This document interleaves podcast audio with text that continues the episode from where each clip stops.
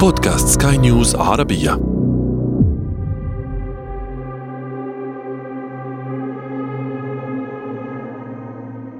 في أغسطس من عام 1945 ألقت الولايات المتحدة قنبلتين ذريتين على هيروشيما وناكازاكي لإجبار اليابان على الاستسلام بدون قيد أو شرط خلال الحرب العالمية الثانية.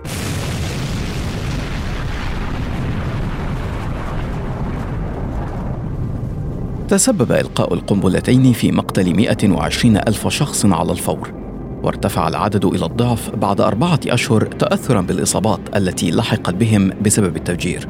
ثم تضاعف الرقم بعد ذلك من جراء الإصابة بالسرطانات وكان معظم القتلى من المدنيين.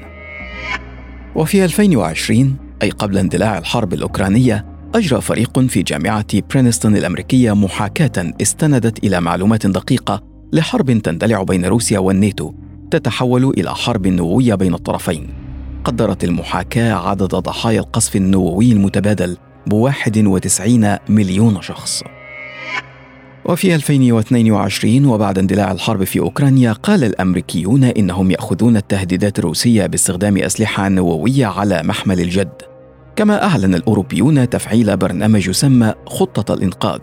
وأضعوا خطط طوارئ للتعامل مع الكوارث الكبرى التي قد تصيب الاتحاد الأوروبي بما فيها مواجهة هجمات نووية. هل يمكن أن تندلع حرب نووية فعلا؟ أم أن ذلك سيناريو تخيلي؟ ولو كان تخيليا فلماذا تنفق مراكز بحثيه رصينة آلاف الدولارات ومئات الساعات من العمل لتخيل وقوعها؟ وماذا لو اندلعت حرب نووية بالفعل؟ هذا أنا عمرو جميل أحييكم. وأنتم تستمعون إلى بودكاست بداية الحكاية. بداية الحكاية. بدايه الحكاية في أواخر الحرب العالمية الثانية اتخذ الرئيس الأمريكي هاري ترومان قرارا بضرب اليابان بالقنابل الذرية لإجبارها على الاستسلام. اعتاد الساسة الأمريكيون منذ ذلك التاريخ على تبرير القرار بأنه كان الطريق الوحيد لإنهاء الحرب العالمية الثانية. من دون غزو قدروا أنه كان سيؤدي لمقتل 200 ألف جندي أمريكي وملايين اليابانيين أيضا. لأن تدمير هيروشيما وناغازاكي بالقنابل النووية لم ينهي الحرب فقط بل فعل ذلك بأكثر طريقة إنسانية ممكنة على حد تعبيرهم.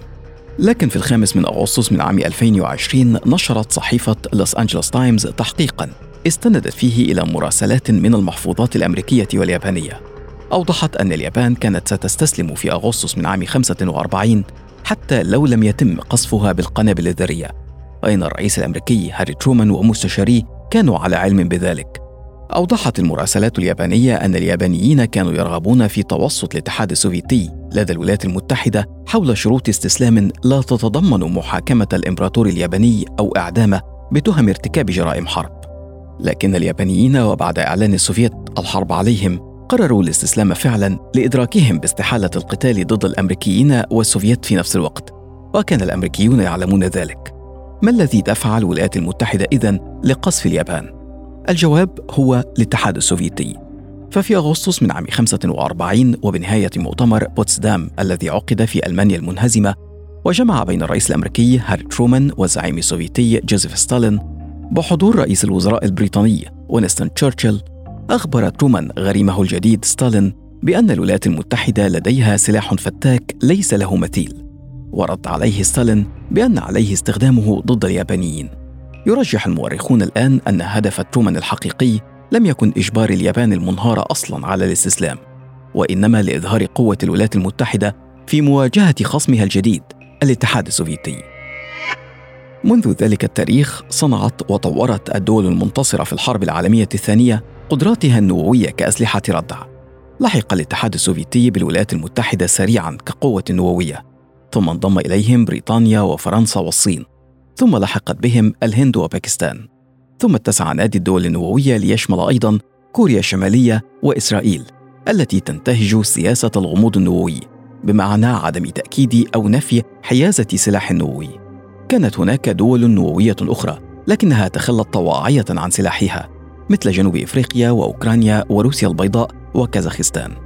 وفي كل هذه الدول توجد ما تسمى بالعقيدة النووية وهي التي تحدد متى يتم اللجوء لاستخدام السلاح النووي.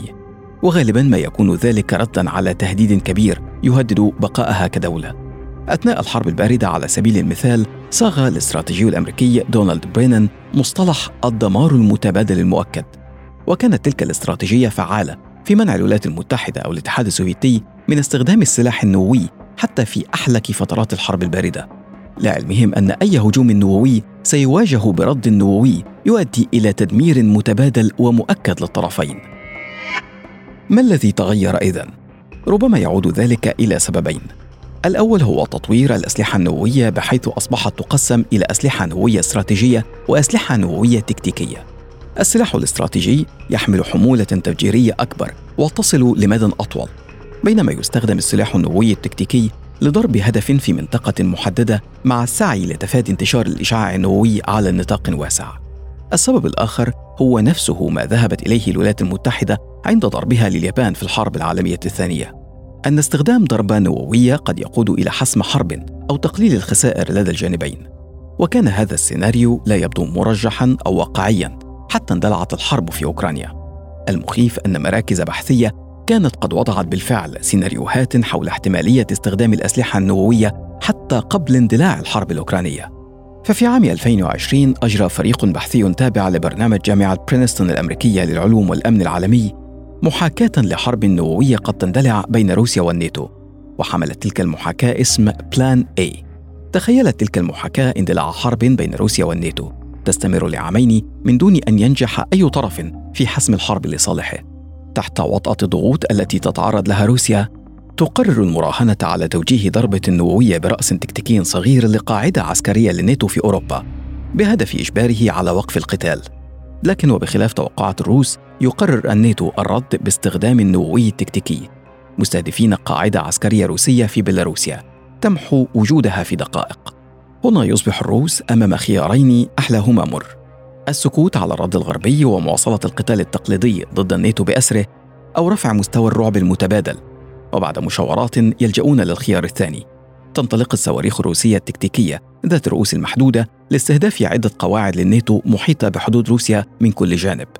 يأتي الرد الغربي سريعا باستهداف مواقع عسكرية ومراكز قيادات داخل روسيا. خلال تلك الفترة كانت الضربات وبحسب المحاكاة تستخدم أسلحة تكتيكية فقط. وتستهدف مواقع عسكرية فقط لكنها تكون قد أوقعت بالفعل أكثر من مليوني ونصف مليون شخص. عند هذه النقطة يدرك الغرب أن الحرب يجب أن تحسم فيتخذون قرارا شبيها بقرار قصف اليابان بالنووي في الحرب العالمية الثانية بتوجيه ضربة مدمرة لإجبار الروس على الاستسلام وإنهاء الحرب. تنطلق 600 رأس حربي نووي من قواعد الناتو في أوروبا ومن الغواصات الأمريكية في المحيط الأطلنطي. وبمجرد إطلاق هذه الصواريخ تدوي الإنذارات في مراكز القيادة الروسية التي تعلم أن وصول هذه الصواريخ إليها سيعني تدميرها تدميرا شاملا. فأضغط الروس أيضا زر الإطلاق لمئات الصواريخ صوب العواصم والمدن الأوروبية والأمريكية. في غضون 45 دقيقة سيكون أكثر من 91 مليون شخص قد قتل أو أصيب بالفعل مع عدد قتلى لا يقل عن 34 مليونا. تحقق التدمير المتبادل المؤكد لكن هل كان ما سبق خيالا علميا أو فيلما هوليوديا؟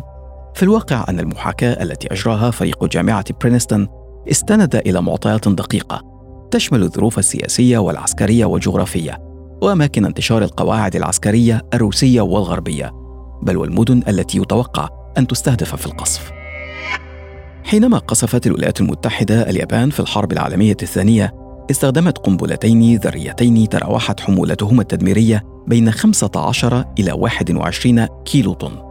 الآن الأسلحة النووية التكتيكية تحتوي على حمولة تفجيرية تتراوح بين 10 إلى 100 كيلو طن. أما الأسلحة الاستراتيجية فتحتوي على حمولة بين 500 إلى 800 كيلو طن. ربما يكون السيناريو السابق احتمالا مستبعدا مع إدراك كل الأطراف أن لا طرف سيخرج فائزا من حرب نووية. لكن المخيف ليس أنه احتمال مستبعد وإنما في كونه احتمالا من الأساس. بداية الحكاية. بداية الحكاية.